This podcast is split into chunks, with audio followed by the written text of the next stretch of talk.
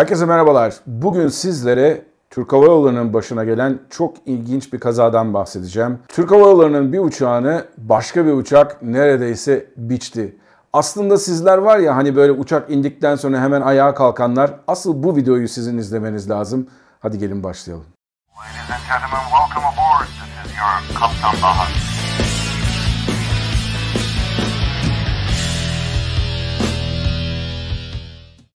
Herkese merhabalar arkadaşlar. Ben Kaptan Baha, Bahadır Acuner. Yepyeni bir Kaptan Baha yayınında bu hafta sonu sizlerle beraberiz.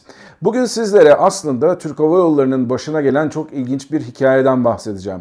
Aslında bu olay Türk Hava Yolları'nın hiç de beklemediği bir anda Atatürk Havalimanı'nda meydana geldi. 5 yıl önce meydana geldi. Şu an Mayıs 2023, tam tamına Mayıs 2023 18'de meydana gelen bir olay ve çok ilginçtir. O kadar kaza raporu arasında bu kaza raporunu Ulaştırma Bakanlığı yayınladı. Ve bugün sizlere aynı zamanda bu videoda bu olayları anlatırken aynı zamanda videonun aşağısındaki linkte de size bu bütün kaza raporunu okuyabileceğiniz bağlantıyı vereceğim, linki vereceğim. O nedenle daha da ayrıntılı bilgi elde etmek isterseniz 52 sayfalık bu raporu okumanız mümkün.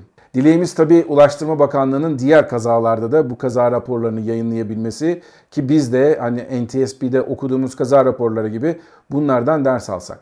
Şimdi gelelim ve sizinle beraber Mayıs 2018'e gidelim.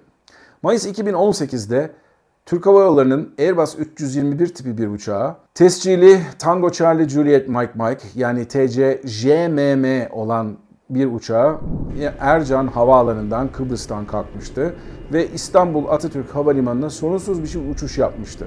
Aslında bu uçak ilk uçuşunu İstanbul'dan Ercan'a yapmıştı ve kaptanlar da aynı uçakla beraber Ercan İstanbul uçuşunu gerçekleştirmişti.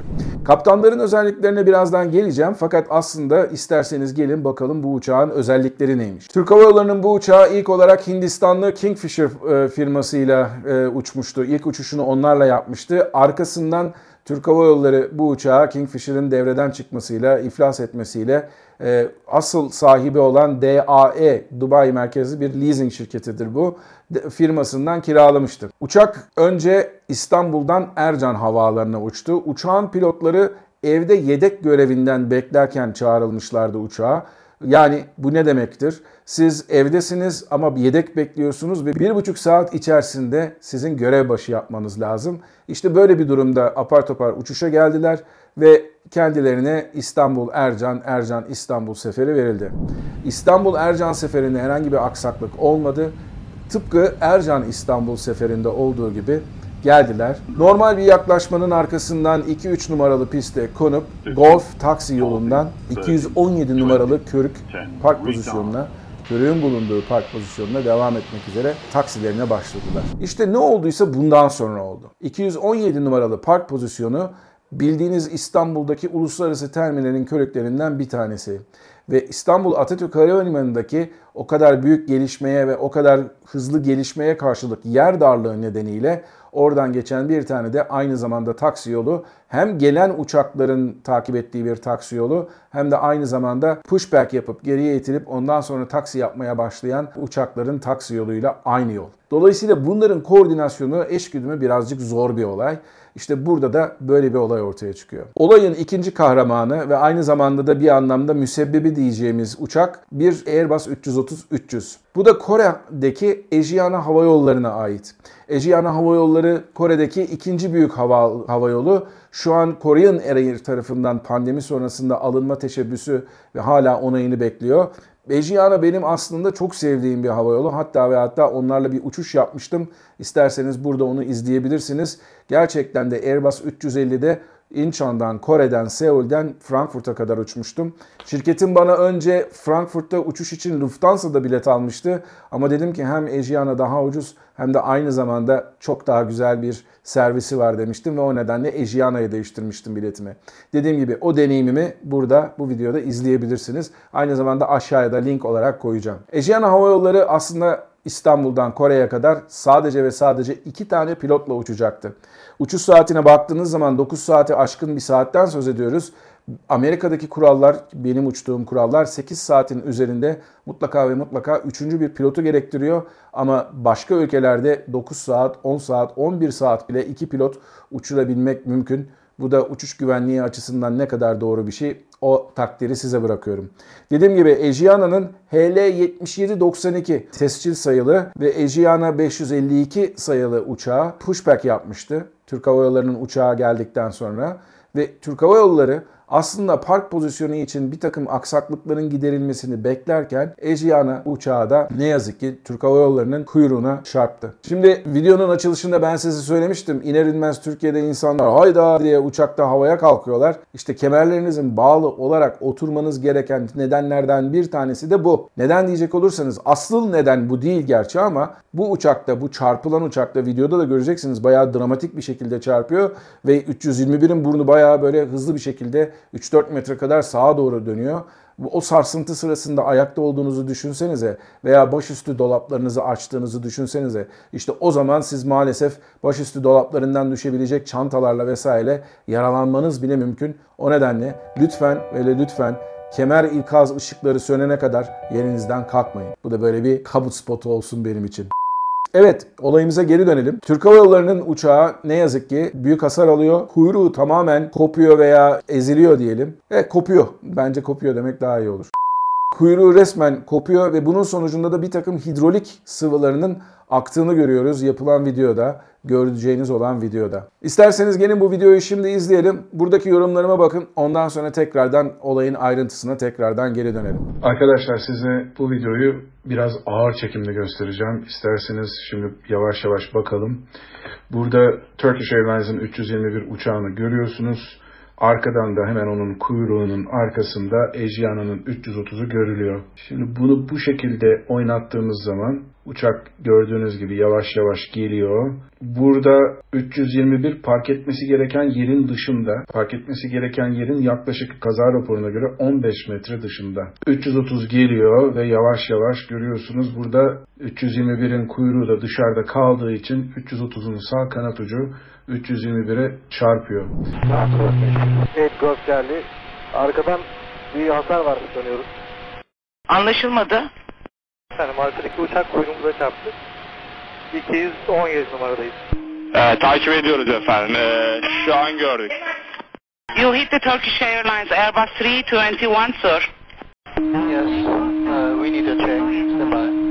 Uçak büyük bir şekilde yan bir ivme kazanıyor ve bunun sonucunda da ne yazık ki yaklaşık bir 2-3 metre kadar sağa doğru savruluyor. Bu sırada da uçağın kuyruğu da gördüğünüz gibi kopmuş oluyor.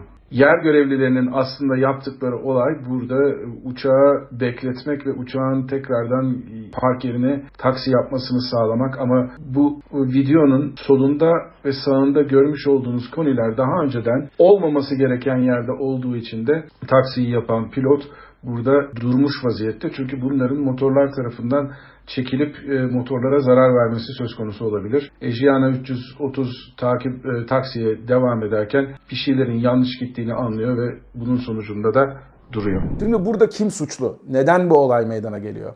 Benim size bu videolarda sürekli olarak kazalardan bahsederken anlattığım bir olay var. Havacılık ve kazalar genellikle %99.9 tek bir nedenden ortaya çıkmaz. Bunlar değişik nedenlerin bir araya gelmesidir. Tıpkı bu kazada da olduğu gibi. Bu kaza neden bir kaza her şeyden evvel?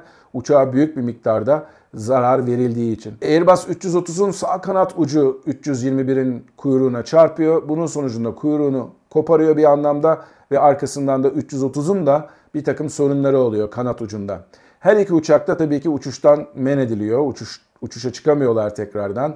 Türk Hava Yolları'nın uçağını Türk Hava Yolları ekipleri e, yangın söndürme ekipleri gelip olaya müdahale ettikten sonra çünkü yakıt sızıntısı olmasa bile Türk Hava Yolları uçağında hidrolik sıvı sızıntısı var. Onun dışında Airbus 330'da Ejiana'nın 330'unda da ufak miktarda da olsa bir yakıt sızıntısı oluyor. İşte bu durumda itfaiyede müdahale ediyor.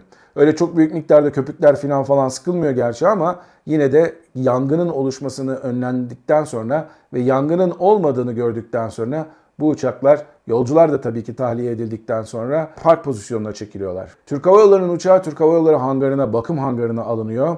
Ejiana'nın uçağı ise L2 park pozisyonuna alınıyor ve burada belli bir süre bekliyor. Tabii tamir edilmesi gereken bir uçak. O şekilde uçması mümkün değil. Peki Türk Hava Yolları'nın uçağı ne kadar bakımda kalıyor diye soracak olursanız Mart ayında meydana gelen bu kazanın sonucunda 11. aya kadar Kasım ayına kadar bu uçak uçamıyor. 11. ayda tekrardan uçmaya başlıyor ama daha sonra da 2020 yılında bu uçak Türk Hava Yolları listesinden, Türk Hava Yolları filosundan çıkarılıyor. Şu an Aruba Hava Yolları adına uçan bir uçak haline geliyor. Her ne kadar bu uçağın arızası çok büyük miktarda olsa da bu konuda tamir edilip edilmeyeceğine veya uçağın tamamıyla ıskartaya çıkarılıp çıkarılmayacağına Türk Hava Yolları karar vermiyor. Çünkü uçağın sahibi Türk Hava Yolları değil. Biliyorum bu konuda soru gelecek. Türk Hava Yolları'nın uçak e, Türk Hava Yolları'nın uçağın sahibi olmamasından ötürü bu uçağın tekrardan uçup uçmayacağına karar verecek olan merci Dubai'deki DAE şirketi uçağın sahibi olarak ve aynı zamanda da Airbus'la tabii ki dirsek temasında bulunuyorlar. Bunun tekrardan uçuşa kabul edilebilir şekilde tamir edip edilmeyeceğini belirtmek açısından. Bir de tabii bu işin içerisinde bir de sigorta şirketleri var. Çünkü uçağın tamamıyla ıskartaya çıkarılması sigorta şirketleri için büyük bir maliyet olabilir. Bu durumda sigorta şirketi belki DAE'ye gidip ya kardeşim biz bunun parasını verelim, tamir ettirelim, siz tekrardan uçurmaya devam edin de diyor olabilir. Peki bu durumda pilotlara ne oldu? Bu sorunun da geleceğini tahmin edebiliyorum. Gelin isterseniz pilotlardan bahsedelim biraz. 700 747 nereden çıktı? Aklımızda 747.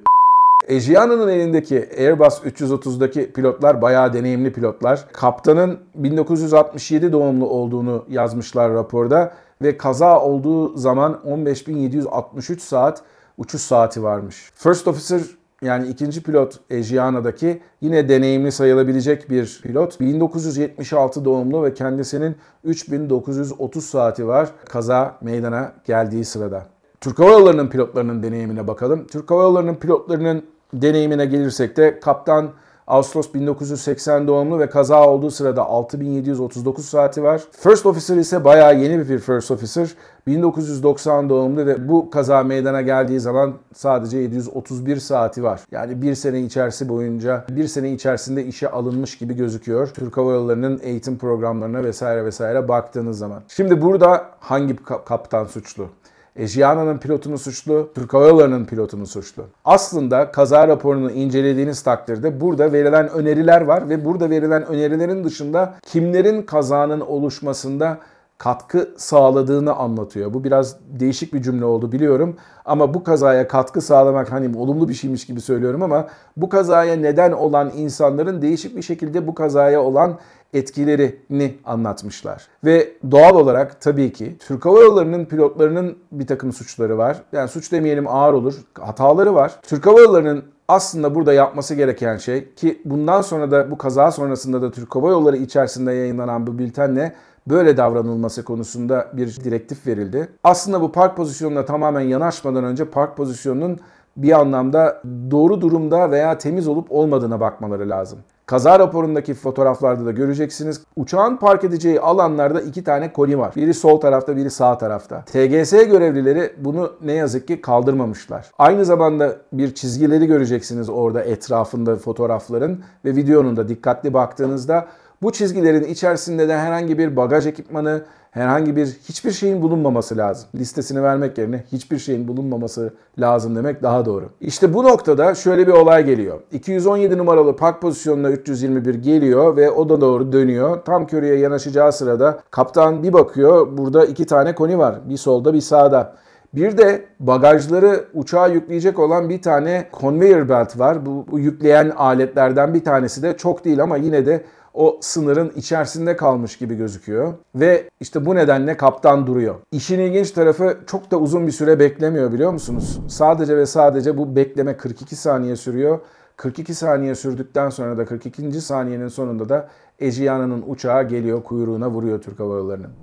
Peki burada Ejiana'nın ne tür bir hatası var? Tabii ki siz taksi yaparken alanınız ne kadar dar olursa olsun çevre kontrolünüzü yapmanız çok çok önemli. Burada Ejiana'nın First Officer'ına biraz görev düşüyor. Özellikle 330 gibi geniş gövdeli ve geniş kanatlı olan bir uçakta taksi yaparken sağ tarafınızı kontrol etmeniz gerekiyor. Ve uçağın önünüzdeki uçağın size ne kadar bir mesafede olduğunu kestirmeniz ve gerçekten de park pozisyonunun arkasında mı olup önünde mi olup kestirmeniz gerekiyor. Tabi şurada önemli bir soru daha var. Kaza raporunda belirtilmemiş ama herhangi bir çizgi var mı bu Türk Hava Yolları'nın yanaştığı yerin kuyruğunun arkasını geçmesi gerektiği şeklinde bir çizgi var mı o apronda? Ben göremedim fotoğraflarda ya da videolarda ama belki de siz biliyorsunuzdur. Özellikle de Atatürk Havalimanı'nda çalışmış olan arkadaşlara soruyorum ben bunu. Hani çünkü bu çizgide olsaydı eğer şurası apron diyelim. Şöyle göstereyim size. Şurası apron diyelim. Şöyle bir çizgi olsaydı ve uçaklar bunun arkasında park etmek zorunda olsaydı bu çizgiyi de gerçekten gördükleri zaman bir uçağın kuyruğunun şu şekilde buradan uzamış olduğunu gördükleri zaman Ejiana pilotları da belki bir anlamda olayın farkındalığına varırlardı. Ama kaza raporunun ana suçlusu, ana hatalısı bu durumda TGS. Hem videoda göreceksiniz hem de aynı zamanda kaza raporundaki fotoğraflarda da ki buraya da koyacağım göreceksiniz. Bir tane hani demiştim ya size bagajları yükleyen bir bant var diye onu önüne gelmiş kolunu dayamış orada uçağın gelmesini bekleyen bir tane görevli var. Halbuki onu geri çekmesi lazım. Onun dışında TGS görevlileri bu konileri de görüyorlar. Bir tanesi alıyor gidiyor koşuyor ve bunlardan bir tanesini kenara çekiyor. Ama bir tanesi hiçbir şey yokmuş gibi hani ne bileyim İstanbul'da herhangi bir caddede karşıdan karşıya geçer gibi sizin üzerinize doğru gelen olan gelmekte olan uçağın önünden koşturarak gidiyor sol taraftaki koniyi de kaldırıyor. İşte bu nedenle ağırlıkla hatalar burada TGS'nin üzerine biniyor. Türk Hava Yolları'nın bu konuda ne kadar zarar ettiğini bilmiyorum. Her, her şeyden evvel bu uçağın bakım veya onarım maliyetlerini Türk Hava Yolları mı karşıladı, başkası mı karşıladı yoksa sigorta şirketi mi karşıladı onu bilmiyorum. Ama bu uçağın tabii ki son seferi değildi bu. Ercan'dan geldikten sonra büyük bir olasılıkla yurt dışında başka bir yere gidecekti. O uçuşun iptal edilmesi, o uçuşun yerine başka uçağın bulunması ve bu uçağın daha sonradan planlanmış olan bir sürü uçuşlarının da ortadan kalkmasıyla Türk Hava Yolları'nı büyük bir şekilde mağduriyete mahkum ettiğini biliyoruz bu kazanın. Bu tür kazalar ne yazık ki apronda çok fazla oluyor. Genellikle bunlar basit işte bir bagaj yükleyicinin uçağa çarpması şeklinde olabilir. Hatta ve hatta geçtiğimiz yaz benim bineceğim Pegasus Hava Yolları'nın Airbus 321'i ki yanılmıyorsam 2 aylık filandı. Bir uçağına İzmir'e geldikten sonra bagaj yükleyicilerinden biri çarpmıştı ve o nedenle de uçuş iptal olmuştu. Bu tür şeyler gerçekten hava yollarını mağdur eden olaylar. Türk Hava Yolları ile TGS aynı bünye altında olsalar bile iki ayrı farklı şirket TGS'ye yapılan alımlarda ne kadar doğru düzgün alımlar yapıldığı konusunda da herkesin şüphesi var. Ki bunu ben daha önce de dile getirmiştim deneyimli elemanları bulmak zor ve deneyimli elemanlara o kadar para verince de onlar sizin için çalışmıyorlar tabii ki. İşte bu nedenle TGS'nin bu kazada büyük payı olduğunu düşünüyorum. Dediğim gibi rapor altta yayınlanmış olacak. Onun dışında istediğiniz konuda bu konuda yazabilirsiniz bana. Ve en önemlisi bu kazadan e, elde edilecek iki tane olumlu sonuç var. Bir tanesi benim Türk Hava Yolları'ndan konuştuğum arkadaşlarımın söyledikleri kadarıyla pilotlara herhangi bir cezai uygulama uygulanmamış. Onun dışında diğer güzel bir tarafı da bu kaza raporunun Ulaştırma Bakanlığı tarafından 5 yıl sonra bile olsa yayınlanmış olması. Bu nedenle Ulaştırma Bakanlığı'ndaki bu kaza raporlarını yayınlayanlara çok çok teşekkür ediyorum. Daha fazlasını da istiyoruz hiçbir zaman yetinmeyeceğiz. Çünkü bu videolar oldu olduğu gibi bu kaza raporlarını okumakta hem bizim gibi pilotları hem de aynı zamanda pilot olmak isteyen bir sürü arkadaşları ve en önemlisi havacılığa gönül vermiş olan pilot da olmasalar bile gerçekten kalpleri küt küt havacılık için atan insanları çok mutlu ediyor. Çok çok teşekkür ediyorum beni izlediğiniz için. Abone değilseniz abone olmayı unutmayın. 50 bine çok az kaldı ve onun dışında kanalımızı beğendiyseniz arkadaşlarınızla, eşlerinizle, dostlarınızla da paylaşmayı unutmayın. Yepyeni bir Kaptan Baha yayınında hem burada YouTube'da hem de podcast'te görüşmek üzere. Mutlu kalın ama her şeyden önemlisi sağlıklı kalın. Hoşçakalın.